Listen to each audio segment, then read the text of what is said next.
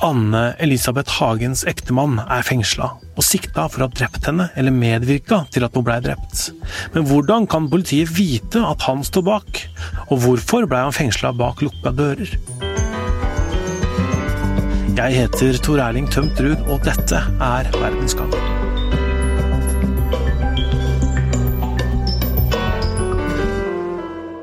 Øst politidistrikt har i dag pågrepet Tom Hagen, sikta for drap eller medvirkning til drap på sin kone Anne Elisabeth Hagen.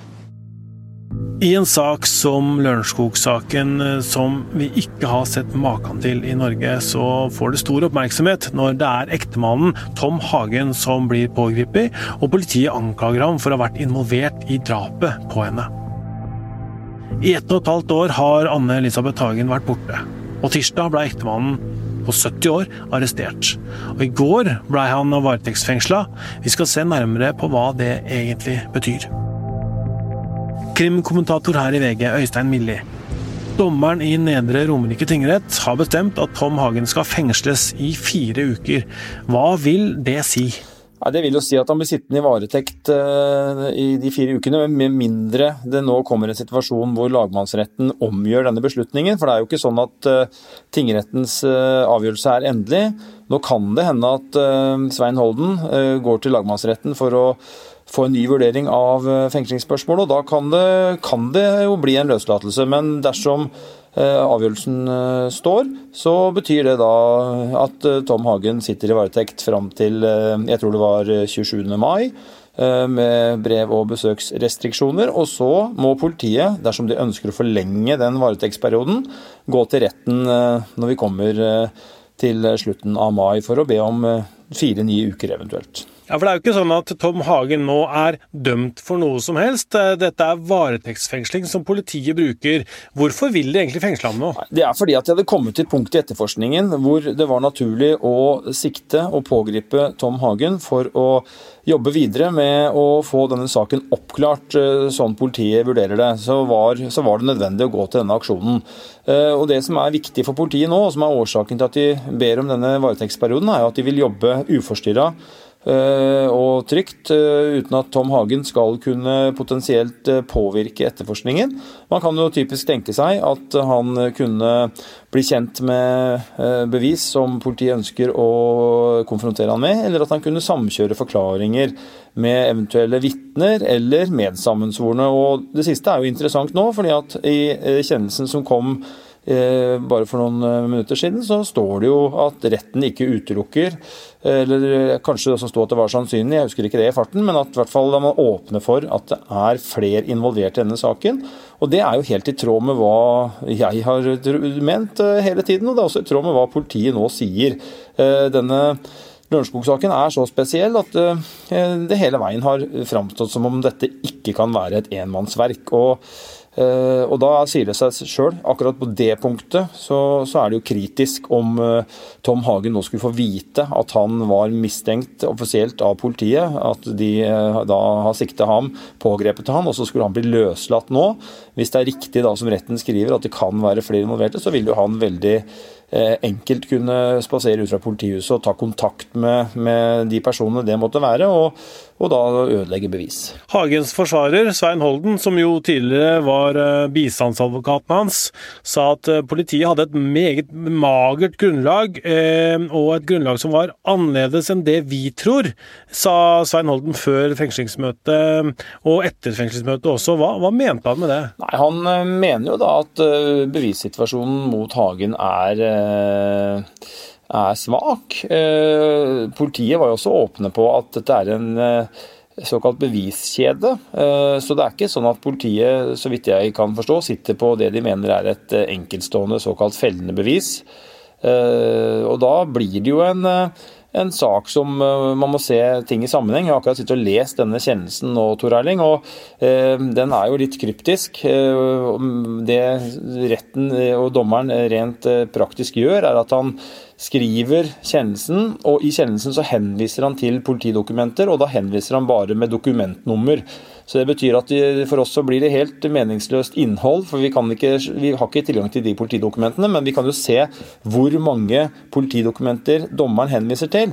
Og Det var en smørbrødliste på en halv A4-side som jeg ikke tror jeg har sett uh, maken til uh, noen gang. Det var, en, uh, det var, en, omfattende henvisning til politidokumenter. Og så må det legges til at jeg aner ikke hvor stor bevisverdi og hvor, mange, hvor tunge bevis disse politidokumentene måtte inneholde.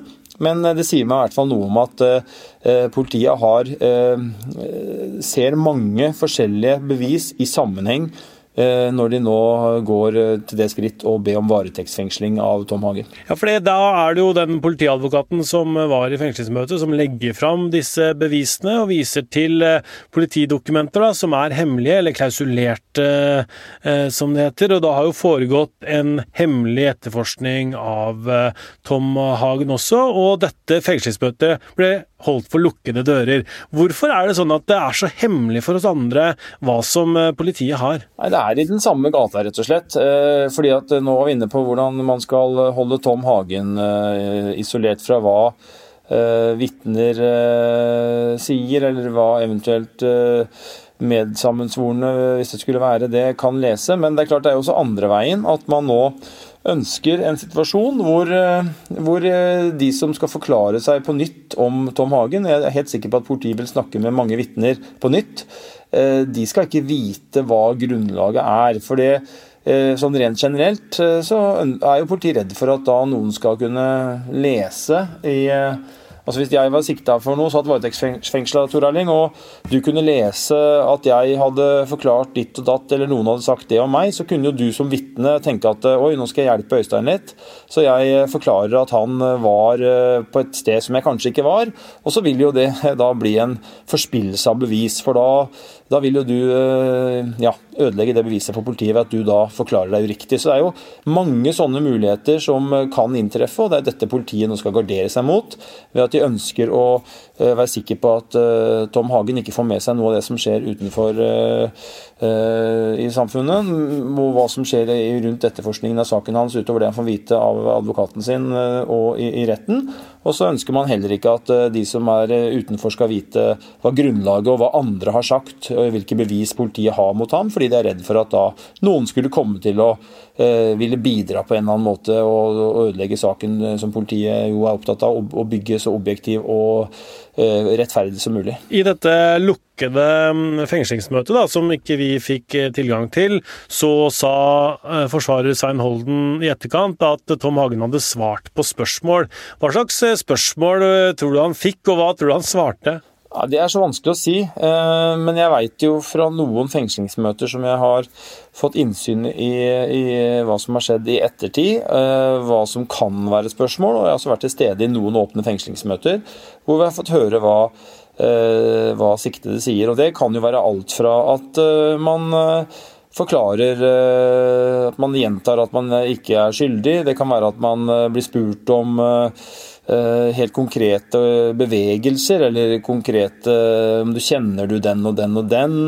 Eh, hvor var du den og den dagen? Eh, så det er, det er egentlig noen av de samme spørsmålene du kan få et politiavhør, og det er ulike grunner til at du forklarer deg et fengslingsmøte. Noen ganger hender det jo at de som er sikta ikke ønsker å forklare seg i politiavhør, men forbeholder seg, forbeholder seg retten og snakker kun i fengslingsmøte da. og Eh, og Da er det jo aktuelt for politiet å stille spørsmål, for da er det, den, det, er det stedet man kan gjøre det. Eh, og så er det kanskje sånn at forsvareren i noen sammenhenger ønsker å eh, få klienten til å framstå i et godt lys, at dommeren skal få høre og se hvordan klienten snakker og framstår, og kanskje har også noen spørsmål som politiet kanskje ikke har stilt, som forsvareren mener at retten må høre svarene på før de kan treffe en så eh, dramatisk eh, avgjørelse det tross alt er å skulle sette et eh, menneske i fengsel i fire uker med da kanskje restriksjoner som gjør at du sitter veldig isolert og ja, ensom og ikke har noe kontakt med nesten noen. Mm. Eh, fengslingsmøtet foregikk da altså i Nedre Romerike tingrett, som ligger i Lillestrøm. Eh, og pressen fikk jo ikke være til stede. Det ble delt en videolink som pressen fikk eh, se på helt til fengslingsmøtet ble lukka, og, den videolinken da ble nede. Men på bildene før lukka dører, hva kunne man se da, Øystein? Nei, eh, jeg har ikke sett alle de bildene, men jeg har latt meg fortelle at man så et glimt av Tom Hagen, som var på plass der sammen med sin forsvarer eh, advokat Svein Holden.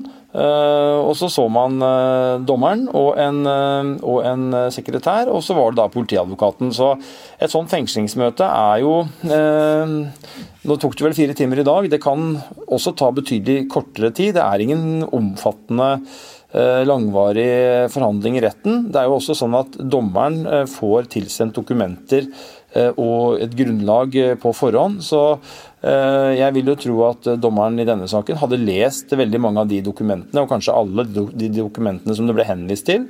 Og da har man jo på en måte et Eh, godt grunnlag når man da begynner de muntlige forhandlingene med advokaten, politiadvokaten og, og siktede.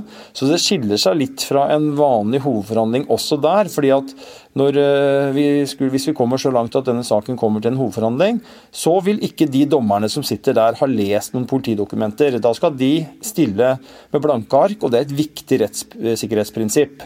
Så da, eh, da gjelder det helt andre kjøreregler på akkurat det punktet. Da stiller de som sagt uten noen forkunnskap. Men en varetektsfengsling, og det har vel noe, vil jeg tro, med at man skal være effektiv i saksbehandlingen, Eh, den eh, er litt annerledes. Der får altså da dommeren som hovedregel, eh, om det ikke er alltid, lese en begjæring fra politiet. og Der har man da utdrag fra, eller hele politidokumenter, hvor, hvor dommeren leser det på forhånd og sånn sett har en ganske god oversikt over hva saken handler om, og hvilken bevis som er påberopt før retten setter.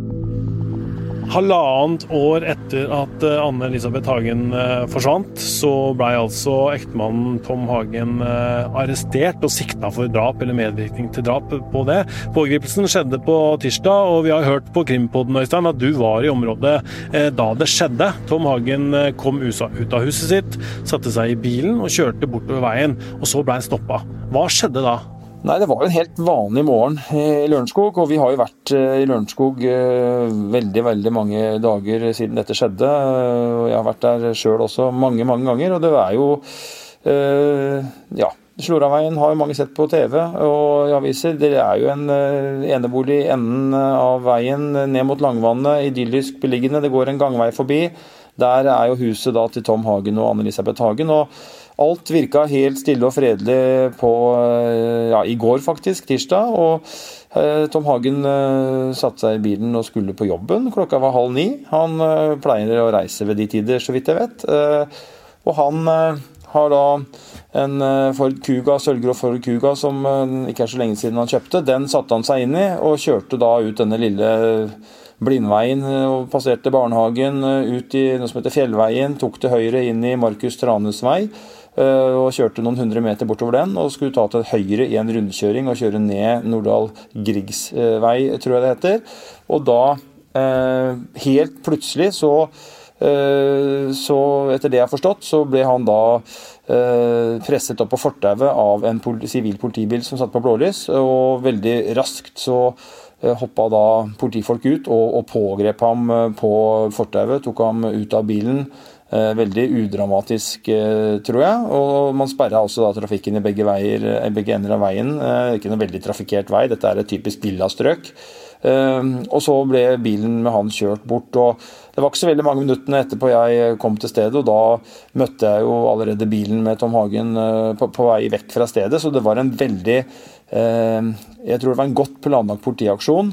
Eh, årsaken til at de valgte akkurat denne typen pågripelse, det får vi kanskje aldri svar på. Vi har også hørt i dag at advokat Svein Holden nok ikke syns at dette var eh, eh, helt greit. Han reagerer på at det var en litt voldsom aksjon og at maktbruken var ganske stor. Det var mye politifolk.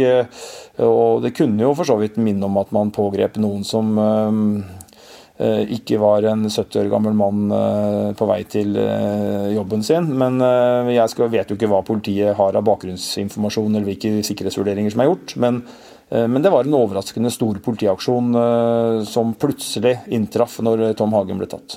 Hva er det neste som skjer i Lørenskog-saken nå?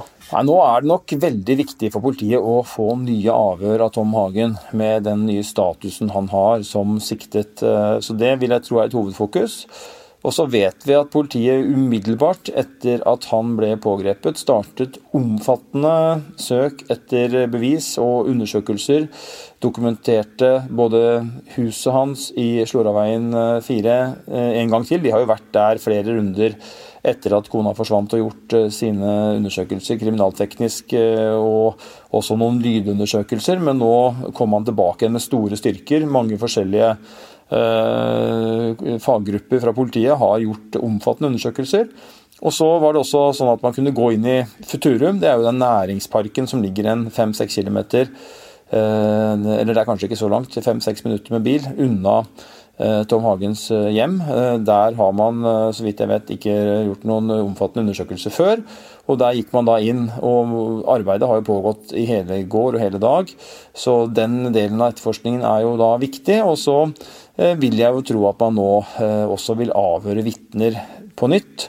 Eh, og har nye spørsmål til en del vitner etter hvert som Tom Hagen forklarer seg, så kan det dukke opp. Og så vil man jo etter hvert få svar på de analysene man eventuelt gjør, og de undersøkelser man gjør av det bevismaterialet man muligens har sikra seg på disse to eiendommene. Vi vet også at politiet har vært på hytta på Kvitfjell um, i dag. Uh, det var riktignok bare en lokal patrulje som sjekka at ingen hadde tatt seg inn i hytta, men det ligger vel kanskje i kortet at det kan komme en undersøkelse og en ransaking også på hytta til, til Tom Hagen. Eh, takk skal du ha, Øystein. Vi i VG jobber jo også videre med saken. Det gjør vi, så det er bare å følge utviklingen på våre flater vg.no.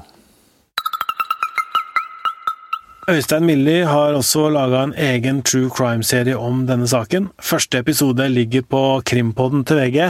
Hør den hvis du ikke har eh, allerede gjort det. Verdens Gang lages av Emilie Hall Torp, Kristine Hellesland, Nora Torp Bjørnstad og meg, Tor Erling Tømterud. Magne Antonsen er teknisk produsent.